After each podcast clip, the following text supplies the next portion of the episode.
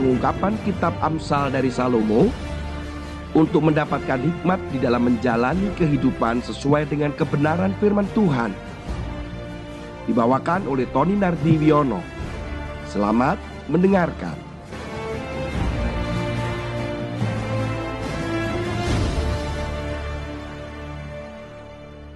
Shalom Bapak Ibu sekalian, kita sekarang masuk dalam perenungan firman Tuhan terambil di dalam Amsal pasal 11 ayat yang ke-13. Firman Tuhan berkata bahwa siapa mengumpat membuka rahasia, tetapi siapa yang setia menutupi perkara. Saudara kekasih di dalam Tuhan, Sebenarnya ayat ini itu teruntuk atau dikhususkan itu untuk masyarakat.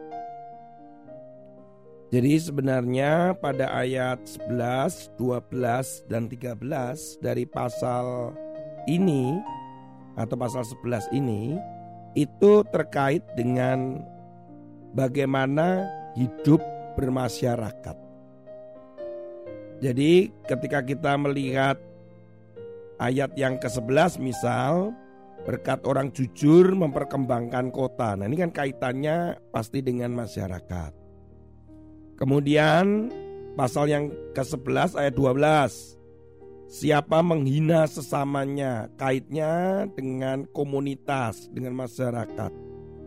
Demikian pula pada ayat yang ke-13 ini bahwa ayat ke-13 ini adalah terkait dengan masyarakat juga Bagaimana kita untuk tidak mengumpat ya. Beberapa waktu yang lalu, ya beberapa hari inilah di sosial media atau pemberitaan adanya mural atau itu apa namanya tembok yang ditulis digambar begitu di beberapa daerah terutama di daerah Jakarta. Dan isinya banyak kata-kata yang mengumpat terkait dengan Presiden Indonesia. Sehingga perlu dicari siapa yang menggambar, siapa yang menulis. Pihak kepolisian hari-hari ini sibuk mencari dan menangkap beberapa berhasil ditangkap karena gambarnya juga bukan hanya satu Saudara, pada zaman saya sekolah ya, waktu SD gitu, kami ini diajarkan, saya nggak tahu kepada saudara, tapi diajarkan bagaimana menanamkan nasionalisme itu, jiwa kebangsaan, kecintaan terhadap negeri ini, menghormati beberapa simbol negara. Salah satunya adalah bendera misal. Bahwa pada zaman dulu bendera itu kami diajarkan, saya diajarkan, mungkin saudara juga pernah mengalami bahwa bendera itu juga tidak boleh menyentuh tanah. Bahkan ketika saya SMA, bendera itu sempat ketika dibuka oleh petugas upacara terbalik. Saat itu langsung Komandan upacara memerintahkan untuk semua peserta upacara berbalik kanan. Tidak boleh melihat bendera karena benderanya terbalik. Sampai sebegitunya saudara. Bendera itu jatuh ke tanah saya segera terburu-buru untuk mengangkat bendera itu supaya tidak jatuh ke tanah juga. Kami begitu menghormati itu sebagai bentuk kecintaan tetapi sekarang ini berbeda. Presiden datang, presiden yang ketika hadir pada sebuah pertemuan resmi internasional saja atau ketika memasuki sebuah area pertemuan resmi di Indonesia lah akan diiringi oleh lagu Indonesia Raya. Walaupun secara undang-undang presiden itu memang bukan lambang negara, tetapi bagaimana seorang pemimpin negara itu kita menghormatinya itu salah satu bentuk kecintaan kita atas Indonesia.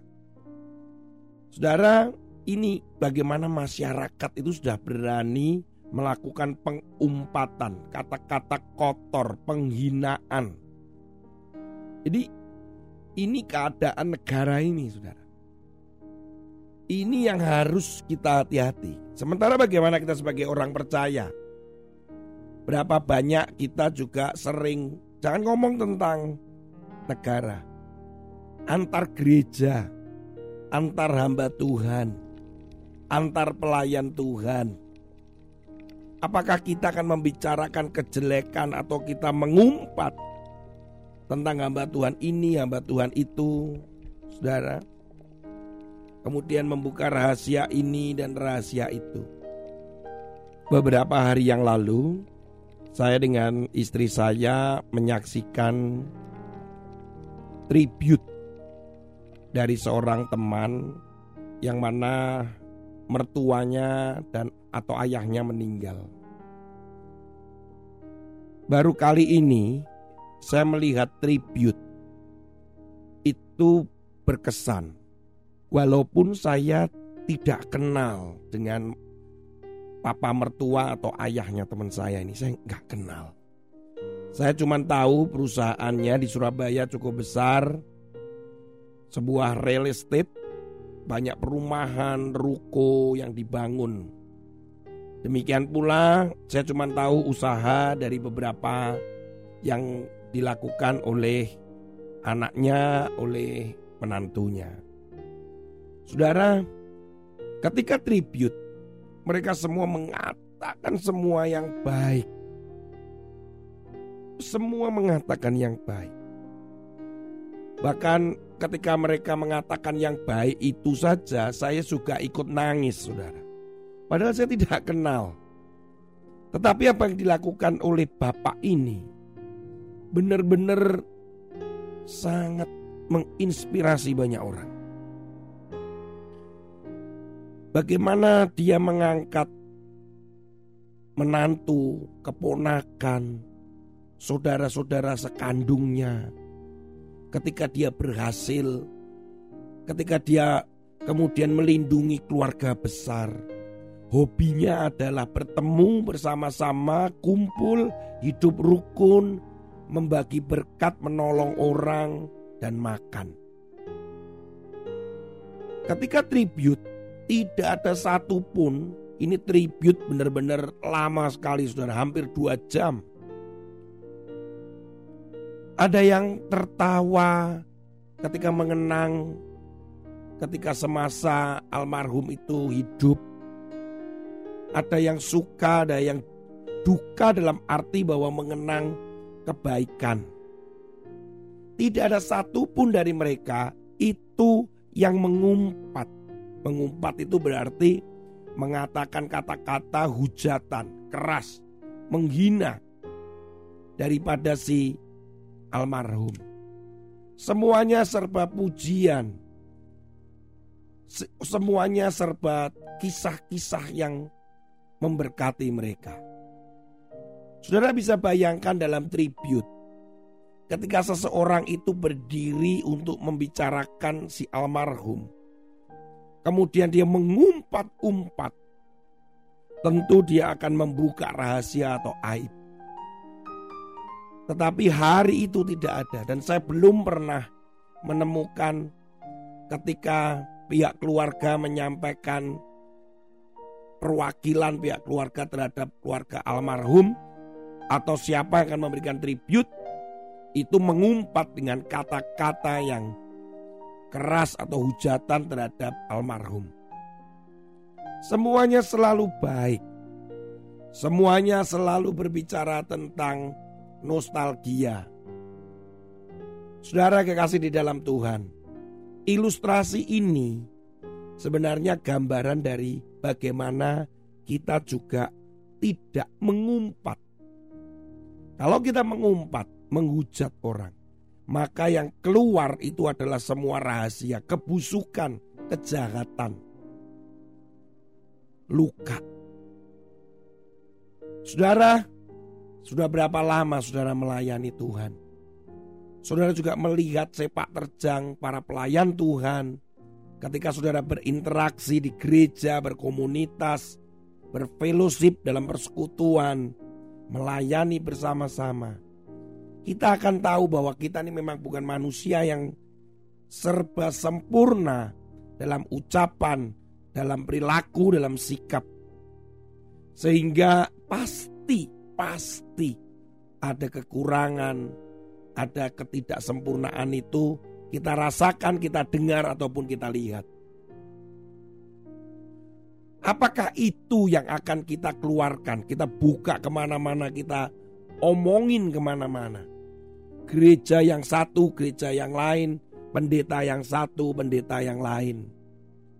Saudara, itu bukan orang yang berakal budi.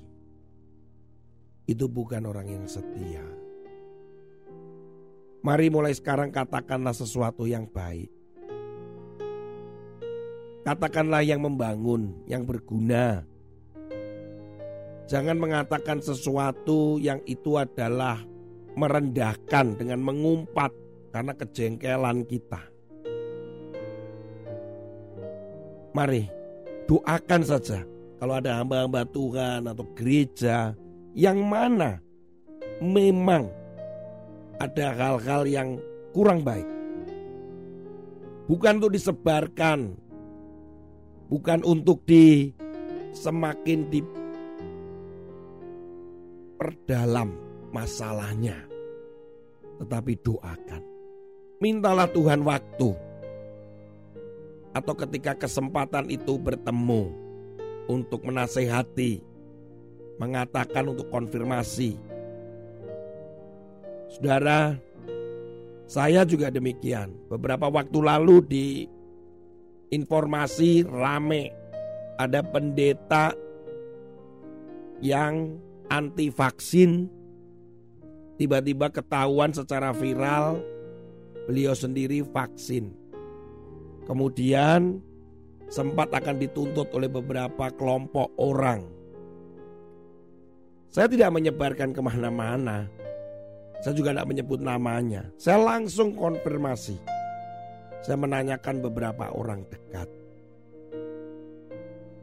Saya cuma begitu saja. Saya bukan terus kemudian menjadi bahan khotbah ini begini enggak. Saya cuma ya ini lagi viral seperti ini banyak orang yang akan menuntut beliau.